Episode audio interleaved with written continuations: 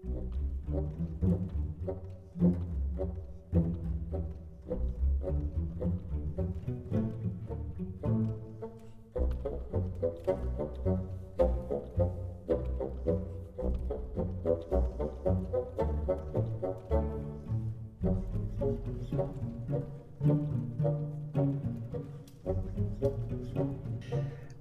til Huldrapodden, en podkast fra IP-trollet.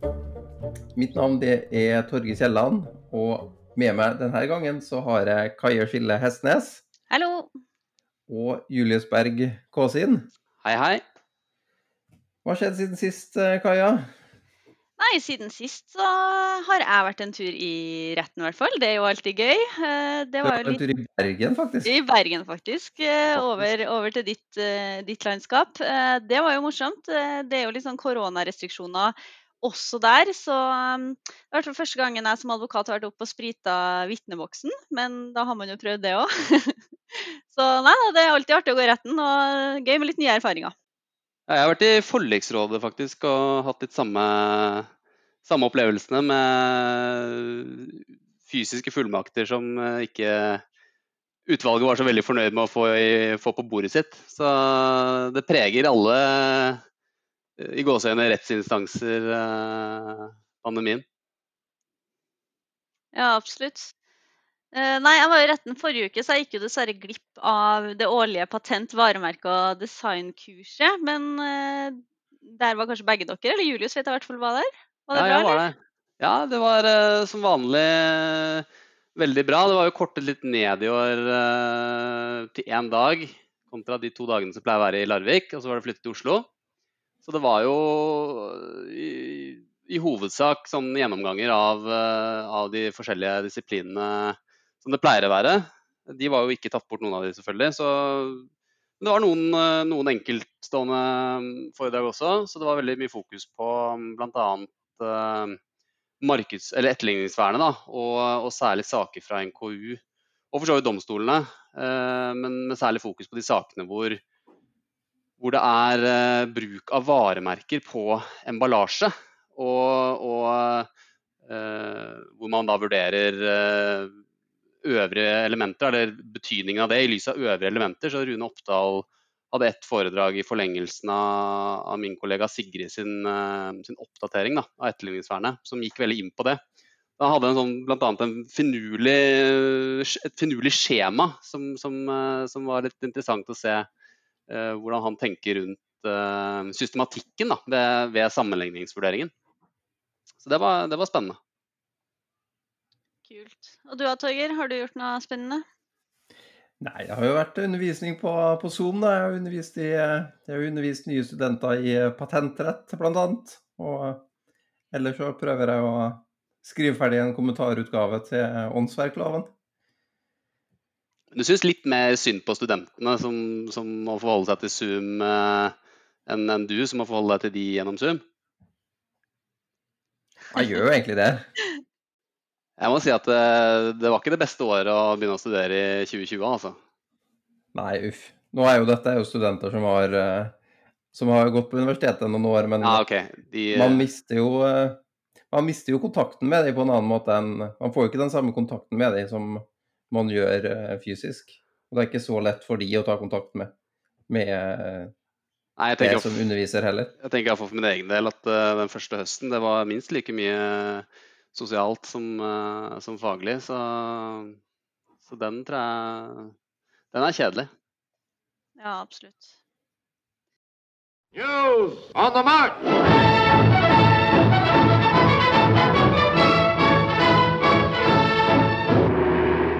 Også denne måneden så har det vært en del interessante eh, avgjørelser fra domstolene. Eh, Bl.a. denne avgjørelsen fra Høyesterett om arbeidstakeroppfinnelse mellom forskeren Roya Sabetrasek og eh, staten ved Universitetet i Oslo. Jeg tror vi bare kaller denne saken for forskersaken, for den er jo også bakgrunnen for dagens tema, så vi kommer ganske mye tilbake til denne. Men eh, nærmere bestemt så var spørsmålet i denne saken om UiO hadde ervervet retten til en oppfinnelse som forskerne hadde gjort eh, ved, eh, som doktorgradsstipendiat ved Odontologisk fakultet ved UiO. Og som følge av det da om forskeren hadde krav på rimelig vederlag. Denne oppfinnelsen var senere kommet i hendene på et selskap fra Sverige som heter Ascendia, som også da hadde patentert oppfinnelsen i flere andre land. Og det skal også nevnes her at UiO hadde hatt et samarbeid, eller fakultetet hadde hatt et samarbeid med dette svenske selskapet. Vi kommer nærmere tilbake til, til den overordnede rettslige problemstillingen senere, men vi nevner allerede nå her at Høyesterett kom til at UiO ikke hadde ervervet oppfinnelsen fra forskeren, og at forskeren da ikke hadde krav på vederlag for, for den overdragelsen. Ja, og så har du vært i retten, Julius. Du har vært i retten med vi kan vel kalle den for Santa Cruz-saken, når vi først er inne på populærnavn for, for dommer. Det var en sak om særpreg for varemerket Santa Cruz. Det var da to kombinert-merker som begge inneholdt Santa Cruz. og Merkene var i hovedsak registrert for sportsutstyr og klær. Eh, spørsmålet for retten var om merkene hadde tilstrekkelig særpreg. Og Særpregsvurderinga eh, var noe problematisert i saken, fordi det var inntatt såkalte unntaksanmerkninger, og, da altså for betegnelsen Santa Cruz. Så det spørsmålet eh, retten måtte ta stilling til først, var jo da om det at det er inntatt en sånn unntaksanmerkning, om det da er til hinder for å vurdere særpreg. Eh, og det vurderte retten, og kom til at en slik unntaksanmerkning ikke da var til hinder for å vurdere merkenes særpreg. Og i selve særpregsvurderingen Eh, som retten da går inn på etterpå, så kom retten til at Santa Cruz ikke var beskrivende for stedet Santa Cruz i California. En annen interessant avgjørelse den uh, siste måneden, det er avgjørelsen fra KOFIR i den såkalte WhatsApp-saken. Og Denne saken den gjaldt spørsmålet om WhatsApp sin varesøknad for logoen sin, som da er et figurativt merke av en hvit omringet telefon på grønn bakgrunn. Eh, om den kunne registreres i, eh, i eh, ulike klasser relatert til eh, teknologi og, og, kommunikasjon og telekomtjenester. Og her var det ikke eh, noe tekstelement i, i, det merket som var eh, søkt. K4 mente at merket verken hadde iboende særpreg eller at det hadde styrket særpreg tilstrekkelig gjennom bruk for registrering. Og de begrunnet dette med at uh, merket besto av et uh, relativt enkelt uh, bilde av et telefonrør som, som, måtte anses som et mer eller mindre generisk element. Og den bruksdokumentasjonen som var fremlagt, var ifølge Kofir heller ikke egnet til å vise at den norske omsetningskretsen om, oppfatter det søkte merket som noens varemerke. Og den, det er også en bemerkning fra Kofir om at dokumentasjonen som var fremlagt av WhatsApp i saken, i stor grad inneholdt eh, lignende varianter av det omsøkte merket, også da med eh, bruk av betegnelsen WhatsApp. Og KFI kom da etter nærmere vurdering til at merket ikke hadde særpreg, og derfor heller ikke kunne registreres. Så den avgjørelsen må eventuelt da påklages til domstolene. Og for de som har lyst til å lese mer om avgjørelsen, så har da Morten, eh, vår kollega i eh, IP-trollet, skrevet en artikkel om den eh, for noen uker siden. Oslo tingrett har også truffet avgjørelse i et ganske omfattende patentsak mellom Subsea Solutions AS og Vetco Grey Scandinavia AS. Saken den gjaldt en oppfinnelse på en fremgangsmåte og en anordning for å tilføre kjemikalier for avleiringsbehandling i undervannsbrønner. Og denne ble patentert av saksøker Subsea Smart Solutions.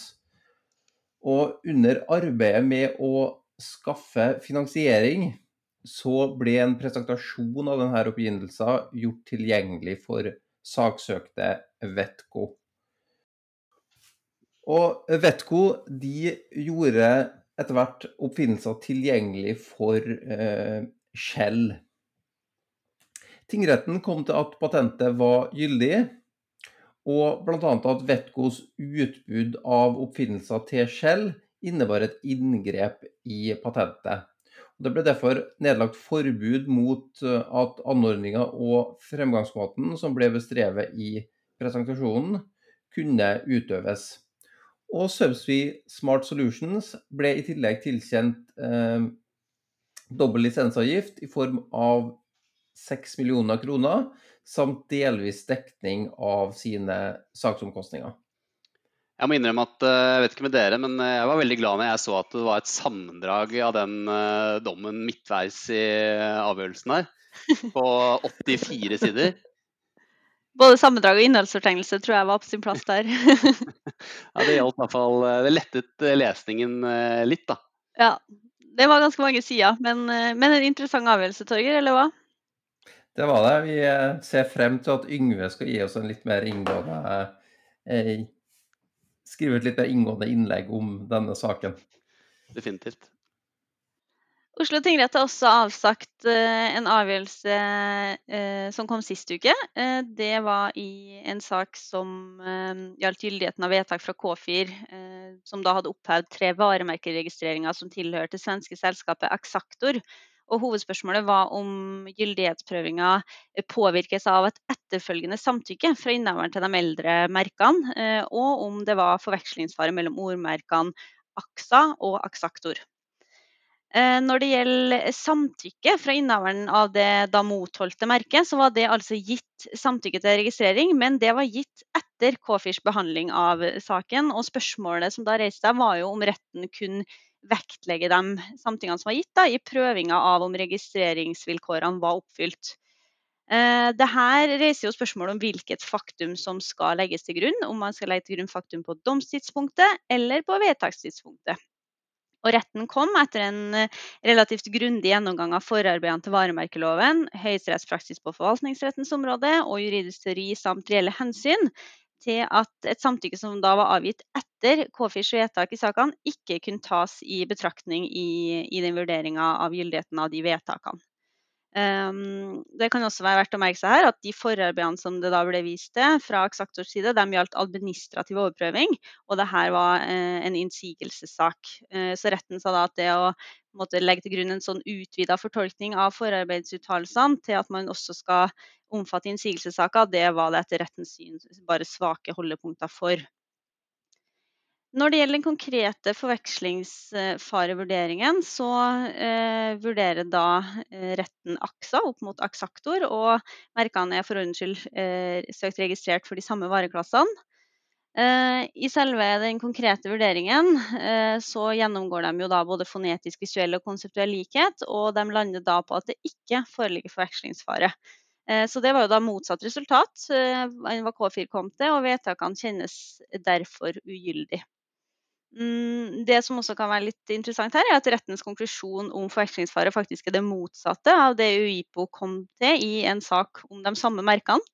Eh, men til det her så uttaler retten at de har en annen vurdering av særlig den fonetiske likheten mellom merkene. Og eh, retten her i Norge tillegger det forholdsvis stor betydning i helhetsvurderingen at AXA ikke vil bli oppfatta som en selvstendig komponent i AXA-aktor.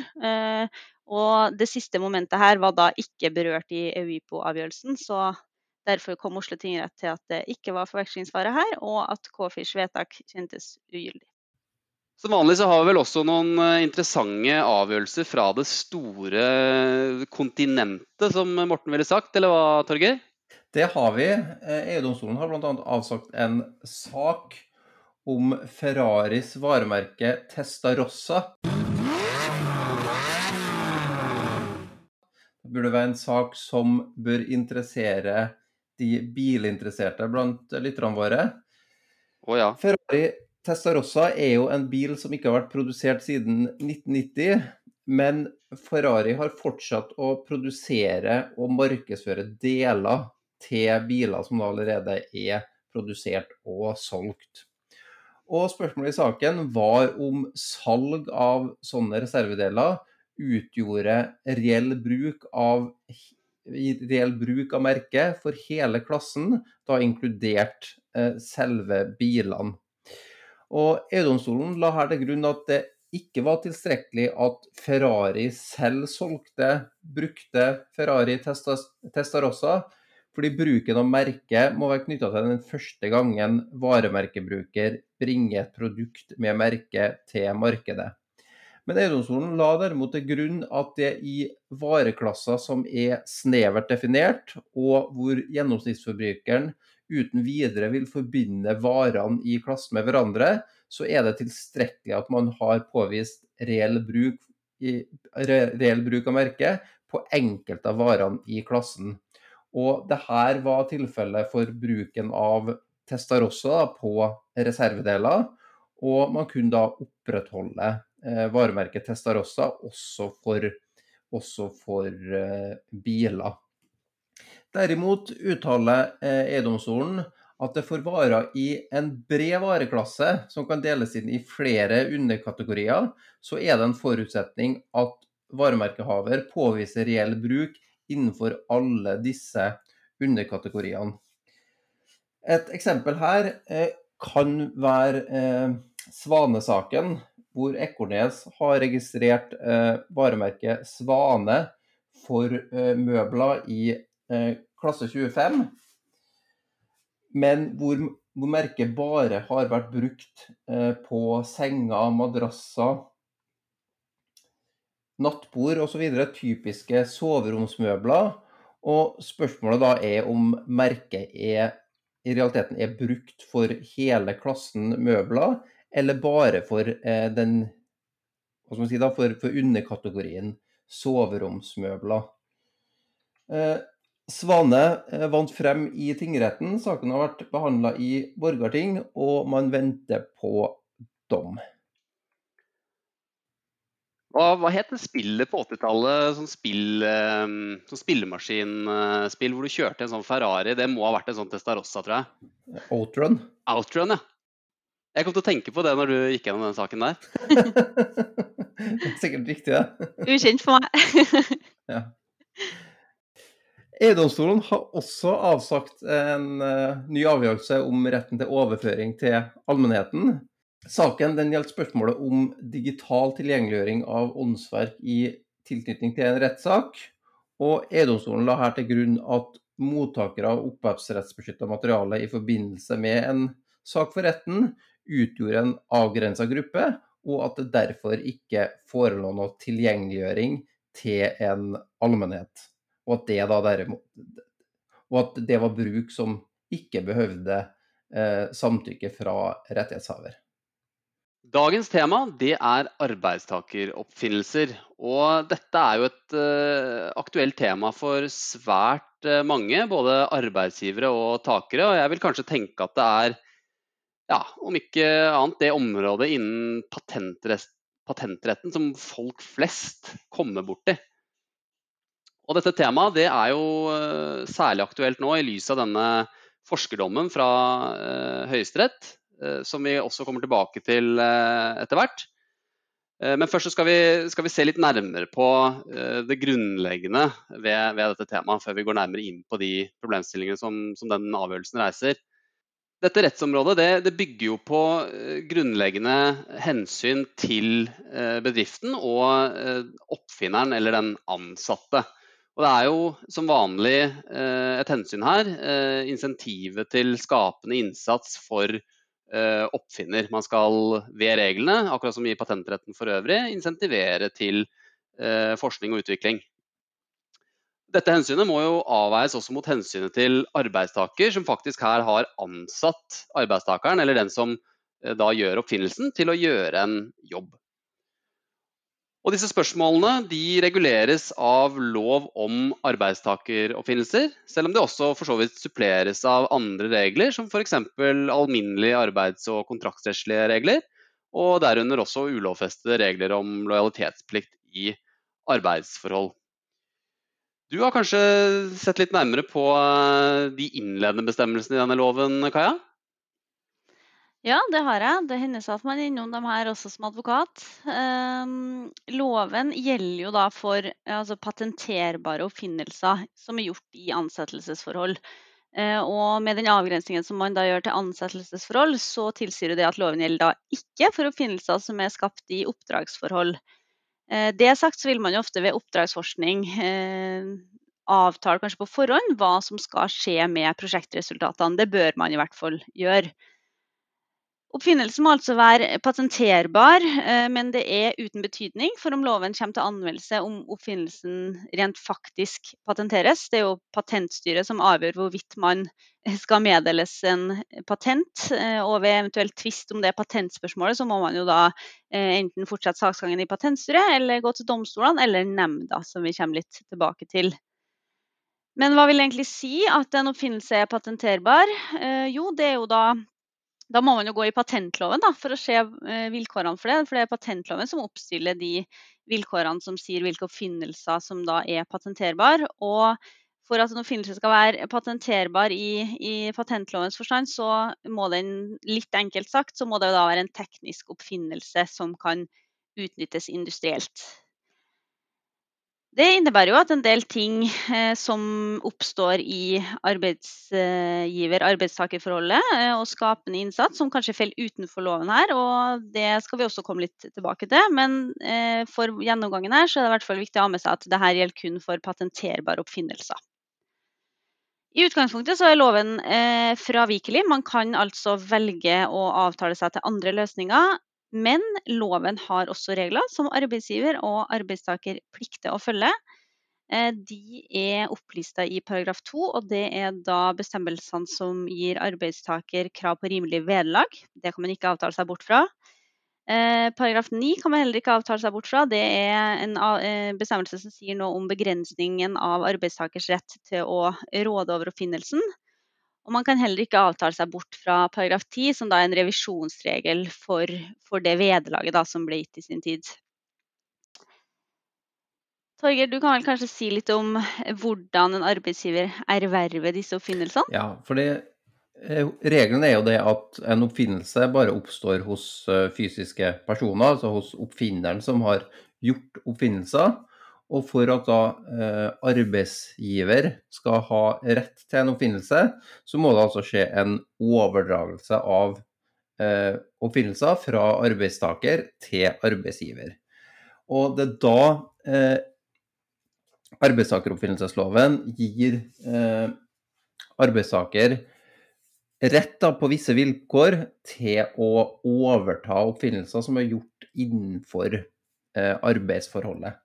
Da har arbeidstakeroppfinnelseslovens eh, paragraf 4 et, treledda system som gir eh, arbeidsgiver ulike rettigheter til å eh, overta eller utnytte oppfinnelser, avhengig av hvilken tilknytning eh, frembringelse av oppfinnelser har til arbeidsforholdet. Den regelen som gir eh, sterkest rett, det er regelen i arbeidstakeroppfinnelseslovens § 4 første ledd, som gir arbeidsgiver rett til å overta eh, oppfinnelser dersom arbeidstaker har forsknings- eller eh, oppfinnervirksomhet som sin vesentlige arbeidsoppgave. Dersom oppfinnelser bare er frembrakt i samband med tjenesten, altså tilknytningsforholdet eller frembringelse av oppfinnelser har en svakere tilknytning til arbeidsforholdet, så har arbeidsgiver etter paragraf 4 andre ledd bare en rett til å bruke oppfinnelser. altså Da har man ikke rett til å få overdratt uh, oppfinnelser fullstendig til seg selv, men man har rett til å få en lisens til å selv kunne utnytte oppfinnelser. Og etter uh, arbeidstakeroppfinnelseslovens paragraf 4 eh, tredje ledd, så har man en enda svakere rett dersom, dersom utnyttelser faller innenfor eh, bedriftas virksomhetsområde. Da har man bare en fortrinnsrett til å overta rett til oppfinnelser. Dvs. Si at dersom arbeids, arbeidstaker selv ønsker å overdra oppfinnelser, så har arbeidsgiver en en fortrinnsrett til å overta den fremfor eh, andre. Men man har ikke noe rett til å kreve og verken å få bruke eller å få overta rett til oppfinnelser. Etter eh, paragraf 5 i denne loven så har arbeidstaker også en orienteringsplikt eh, om oppfinnelser som denne måtte gjøre under arbeidet. Og den regelen den går ut på at arbeidstaker som da gjør en oppfinnelse som omfattes av loven, så fort som mulig, eller uten unødig opphold, som det heter, skal melde fra til arbeidsgiver om, om oppfinnelsen. Og dette fremstår kanskje som en veldig formalistisk regel som ikke har så store praktiske konsekvenser. Men uh, som vi skal se også i, uh, etterpå når vi gjennomgår Høyesteretts avgjørelse og, og, det øvrige regelverket, så har faktisk denne orienteringsplikten en ganske stor betydning for anvendelsen av lovens øvrige regler. Ja, absolutt. Og hvis eh, arbeidsgiver vil erverve den retten til oppfinnelsen, så Eh, må arbeidsgiver gi arbeidstaker en skriftlig melding om det. og Da er det en tidsfrist. Det må gis innen fire måneder etter at man da mottar den meldingen som, som du Julius, snakker om. Mm. Um, og Fristen begynner ikke å løpe da før altså arbeidsgiver har fått den meldinga. Uh, og den meldinga må også ha en angivelse av hva oppfinnelsen består i. Uh, og På det tidspunktet her så må det da foreligge en patenterbar oppfinnelse. I denne perioden kan jo da arbeidsgiver ikke råde over oppfinnelsen eller utføre handlinger som skulle svekke grunnlaget for eventuell senere patentering, f.eks. at man offentliggjør oppfinnelsen. Et unntak for dette eh, det gjelder for vitenskapelig ansatte ved høyskoler og universitet. og Det er den såkalte publiseringsretten. Eh, publiseringsretten innebærer at den vitenskapelig ansatte den, eh, har sjøl rett til å publisere oppfinnelsen. Dersom oppfinneren velger å benytte seg av publiseringsretten, så vil jo da ikke institusjonen, altså arbeidsgiver, kunne få overført utnyttelsesretten til oppfinnelsen til seg. Men et eventuelt ønske om å gjøre bruk av en slik publiseringsrett, det må da også varsles samtidig som da her institusjonen, altså arbeidsgiver, eh, varsles om oppfinnelsen i samsvar med den, den meldinga som du snakka om, Julius. Dersom arbeidsgiver velger å overta eh, rett til oppfinnelser og oppfylle disse eh, formelle eh, vilkårene, så har arbeidstaker etter eh, lovens paragraf 7 rett på det man kaller for rimelig godtgjøring eller rimelig vederlag. Og ved vurdering av hva som utgjør et rimelig vederlag, så skal man ta eh, utgangspunkt i oppfinnelsers verdi, dvs. Si oppfinnelsers markedsverdi, altså verdien av oppfinnelser, enten ved at man eh, selv utnytter den, eller ved at man lisensierer den til andre. Og så skal man vurdere i hvilken grad frembringelse av denne verdien går utover det som normalt kan forventes av, av uh, arbeidstaker i arbeidsforholdet. Og denne merinnsatsen da, skal jo da kompenseres, eller skal jo da arbeidstaker ha krav på en rimelig godtgjøring for. Og hva som er rimelig godtgjøring, vil jo være en ganske konkret vurdering. Og her har uh, tingrettsdommer Per Kåre Nerdrum i en artikkel som ble publisert i NIR i fjor, tatt for seg hva som anses som rimelig godtgjøring for, en, for arbeidstakeroppfinnelser eh, etter praksis fra arbeidstakeroppfinnelsesnemnda. I tillegg så har man også en revisjonsregel som i likhet da med den hovedregelen som Torger nå gjennomgikk i paragraf 7 første ledd, er uh, ufravikelig da i henhold til lovens paragraf 2. Og denne Revisjonsregelen den følger av paragraf uh, eh, 10, og den går ut på at uh, man skal kunne regulere da, det som er en rimelig godtgjørelse etter 7, ved en vesentlig endring av de faktiske eh, forholdene.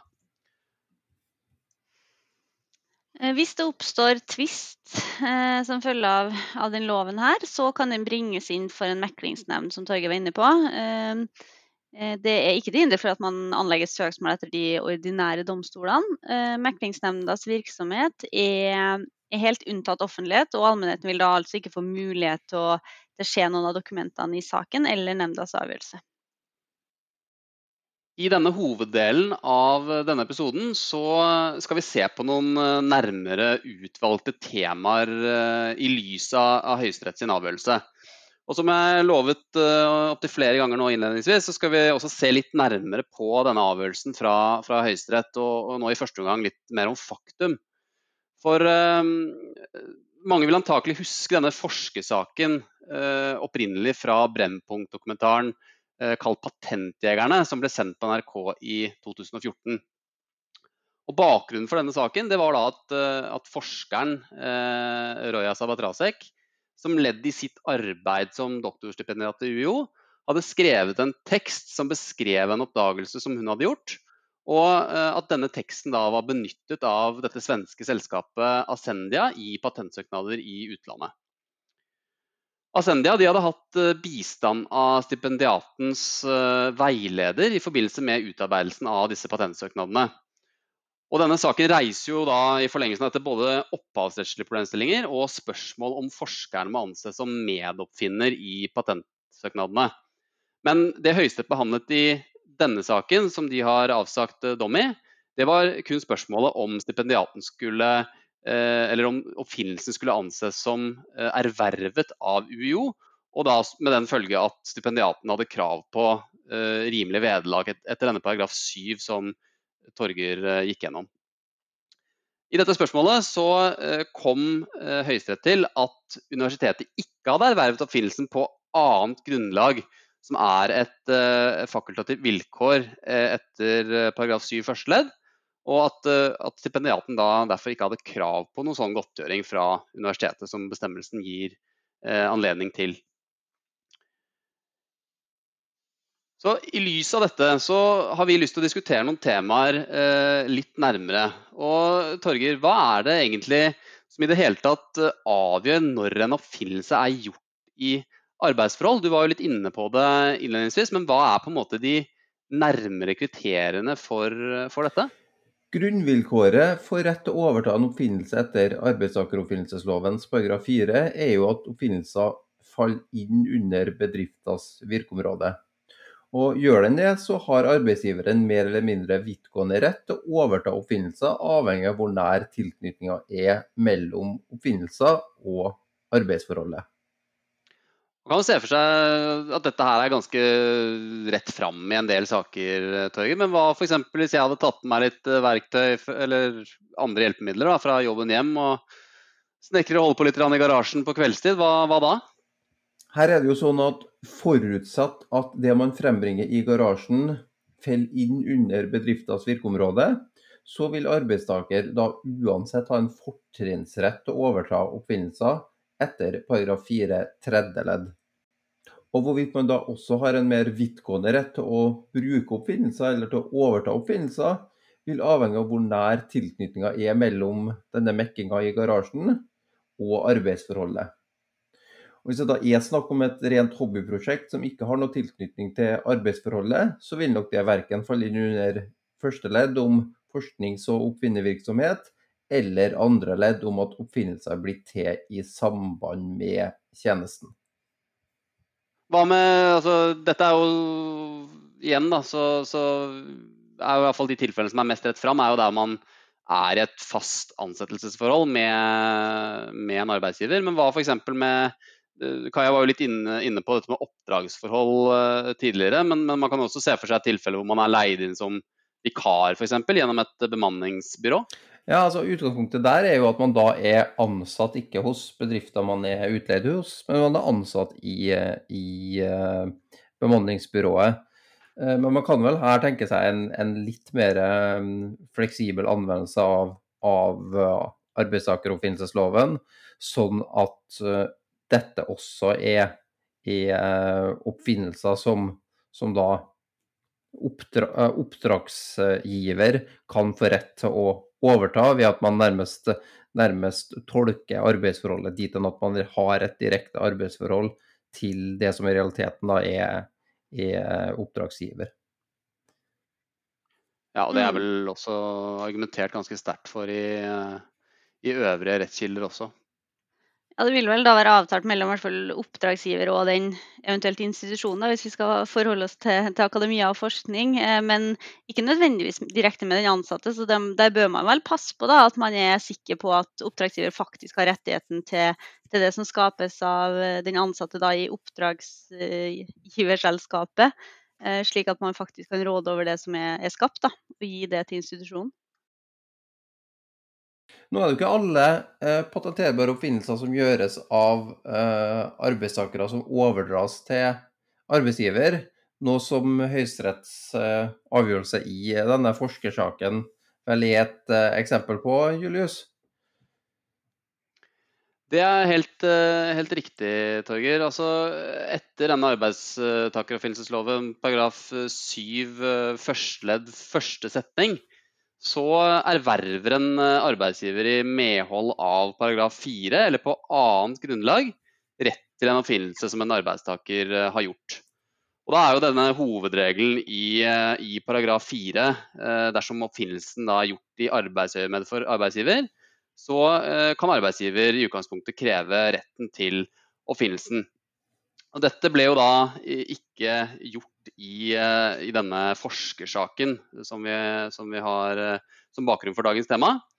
Men som jeg akkurat da gikk gjennom, så er det også et fakultativt vilkår, nemlig det at oppfinnelsen også kan overdras på annet grunnlag. Og, og dette var jo da tema i denne forskersaken, og, og, og hva som ligger nærmere i dette vilkåret.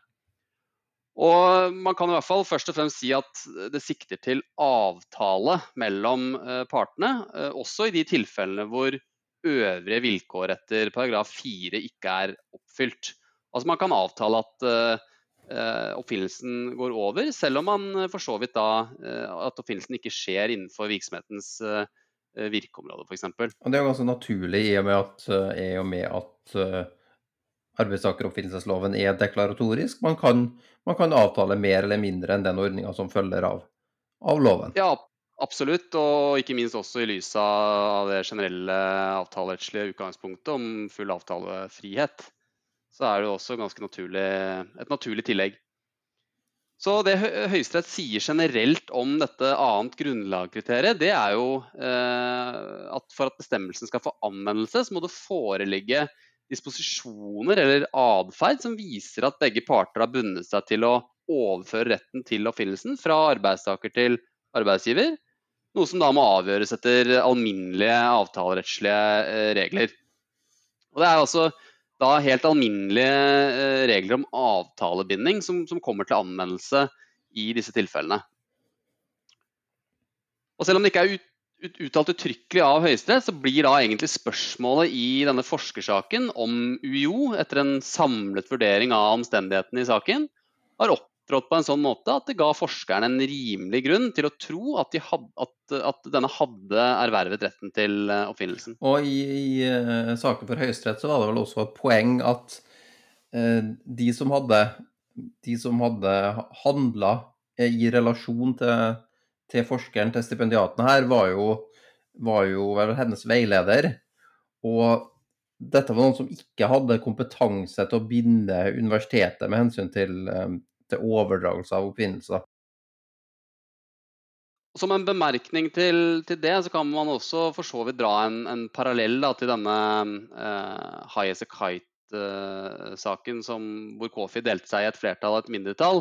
Eh, hvor, eh, hvor, flertallet, eh, noe omdiskutert i hvert fall, kommer til at, at det gjelder et skjerpet beviskrav for, for sannsynliggjøring av om det er inngått en avtale etter varemerkeloven § 28. og Dette vilkåret godtgjort, som da mindretallet ikke legger noe mer i enn en vanlig sannsynlighetsovervekt. Men i dette tilfellet så har man uansett ikke den diskusjonen. I hvert fall ikke så vidt jeg kan se, så er det i hvert fall ikke noen vilkår som, som, som gir grunn til noen sånn diskusjon i denne loven her. Når det gjelder eh, Høyesterett uttalelser om denne spesielle, altså vilkår i denne spesielle saken, så, så, så, uttaler man at selv om det har vært en del kontakt mellom forskerens veileder ved universitetet og det svenske selskapet Ascendia, så var ikke stipendiaten kjent med denne kontakten. Så etter Høyesteretts oppfatning da, så ga eh, heller ikke da denne kontakten eh, forskeren noen rimelig grunn til å tro at universitetet hadde eh, inngått noen avtale om å erverve oppfinnelsen, eller dispositivt erverve oppfinnelsen. Høyesterett la også, som du var inne på nettopp, Torger, at, eh, at, veilederen uansett ikke hadde kompetanse til å, å binde universitetet i slike spørsmål, og at dette lå utenfor hans uh, stillingsfullmakt. Så Et spørsmål man kan for så vidt reise da, i lys av denne, av denne uh, avgjørelsen, eller dette resonnementet fra Høyesterett, det er jo spørsmålet om eh, arbeidstakervern etter paragraf 7 i denne loven, og for så vidt også i lys av øvrige rettsregler, er tilstrekkelig når, når dette eh, når denne overdragelsesreguleringen tilsynelatende kan omgås ved å involvere en kalle hemmelig tredjepart, da, som det svenske selskapet i, i dette tilfellet. Jeg, jeg stiller spørsmålet eh, helt åpent, jeg. Reglene i eh, arbeidstakeroppfinnelsesloven er jo utforma som dels som en rett for, for arbeidsgiver til å eh, overta oppfinnelser som man har en rimelig grunn til å forvente at man eh, skal ha rett til, fordi at det er skapt i tilknytning til arbeidsforholdet. Og en beskyttelse for arbeidstaker, dit hen at, at eh, overdragelse eh, normalt bare skal skje dersom disse formelle vilkårene eh, oppfylles, og samt at man har krav på, på rimelig vederlag for oppfinnelser. Og Problemet for, for, forskeren i saken her er jo at, at uh, hun blir litt fanga av uh, de reglene som egentlig er ment å, å beskytte henne. Fordi at hun her ville jo vært tjent med at universitetet hadde uh, overdratt rett til oppfinnelser. Fordi da hadde hun hatt krav på, krav på vederlag. Uh, ja, for jeg må jo huske at Forskeren hadde jo ikke gitt noe melding, som du var inne på Julius, tidligere her når vi gikk gjennom eh, regelverket. Eh, så da kommer man på en måte heller ikke i den posisjonen da, som arbeidsgiver til å kunne vurdere oppfinnelsen. Eh, så det er jo det som blir litt av problemet. Altså Utgangsposisjonen her blir jo litt feil, da, for å si det sånn. Mm. Men, men, er på en måte, tenker dere at det er tilstrekkelig å på en måte vise til de formelle reglene og eventuelt innprente at man, man må være flink å følge disse Eh, meldingsreglene og osv. I dette tilfellet, eller tenker dere at det er et problem som eventuelt lovgiver bør se på at sånn som i dette tilfellet her da, at forskeren havner i den situasjonen hun, hun, faktisk gjør? Det vil jo være fryktelig vanskelig antagelig, uten å spekulere i, i rettsstillingen hennes, så vil jeg i hvert fall tenke at som en privatperson så vil det jo være, det vil være utfordrende da, å, å, føre denne saken videre. Ja, det vil selvfølgelig være vanskelig. Um... Ja, å skulle saksøke det svenske firmaet som rent faktisk har utnytta oppfinnelser, vil jo være særdeles vanskelig. Ja, jeg tenker jo saksøke egentlig noe som helst her vil jo fort bli vanskelig. Vil jo sannsynligvis også være interesser, sterke interesser på begge sider som også andre aktører kan tenkes å ha en interesse i mer sånn prinsipielt. Absolutt. Men det man kanskje kan savne hvis man på en måte skal snakke om, om, loven, da, om det er noen mangler der, så tenker jeg på en måte den plikten arbeidsgiver har, da, som vi er inne på nå, om det å faktisk informere arbeidstaker om hva er det som, som må skje her da, for at man skal komme i posisjon. Eh, det tenker jeg er jo kjempeviktig at uh, arbeidstaker får uh, beskjed om, for at man i det hele tatt skal kunne yte det vern som loven gir.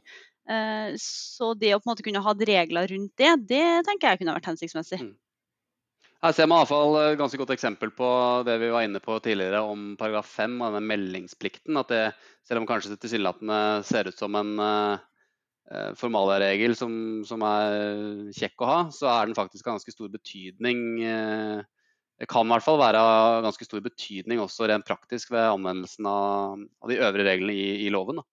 Ja, helt klart. Og, og, jeg tenker I den konkrete saken her så slår det jo litt sånn urimelig ut. Det, det kan vi vel være enige om. Eh, men eh, man må jo også på en måte si at Høyesteretts eh, resultat her innebærer jo at man faktisk ikke skal kunne inngå avtale uten å være fullstendig klar over det sjøl. Sånn sett så kan man jo på en måte si at det man kan dra ut av den dommen her, er jo at det er et, et vern også da, for arbeidstakerne. At man ikke plutselig skal bli bundet til at man har overdratt en oppfinnelse uten at man faktisk har, har rådighet over den disposisjonen sjøl. Absolutt. Det vil jo være en regel som fungerer godt i de aller fleste, de aller fleste tilfellene. At, og at ja, denne saken er ikke noe argument for å, for å endre den beskyttelsen som, som arbeidstaker tross alt har etter alminnelige avtalerettslige regler og etter de mer formelle reglene i, i arbeidstakeroppfinnelsesloven.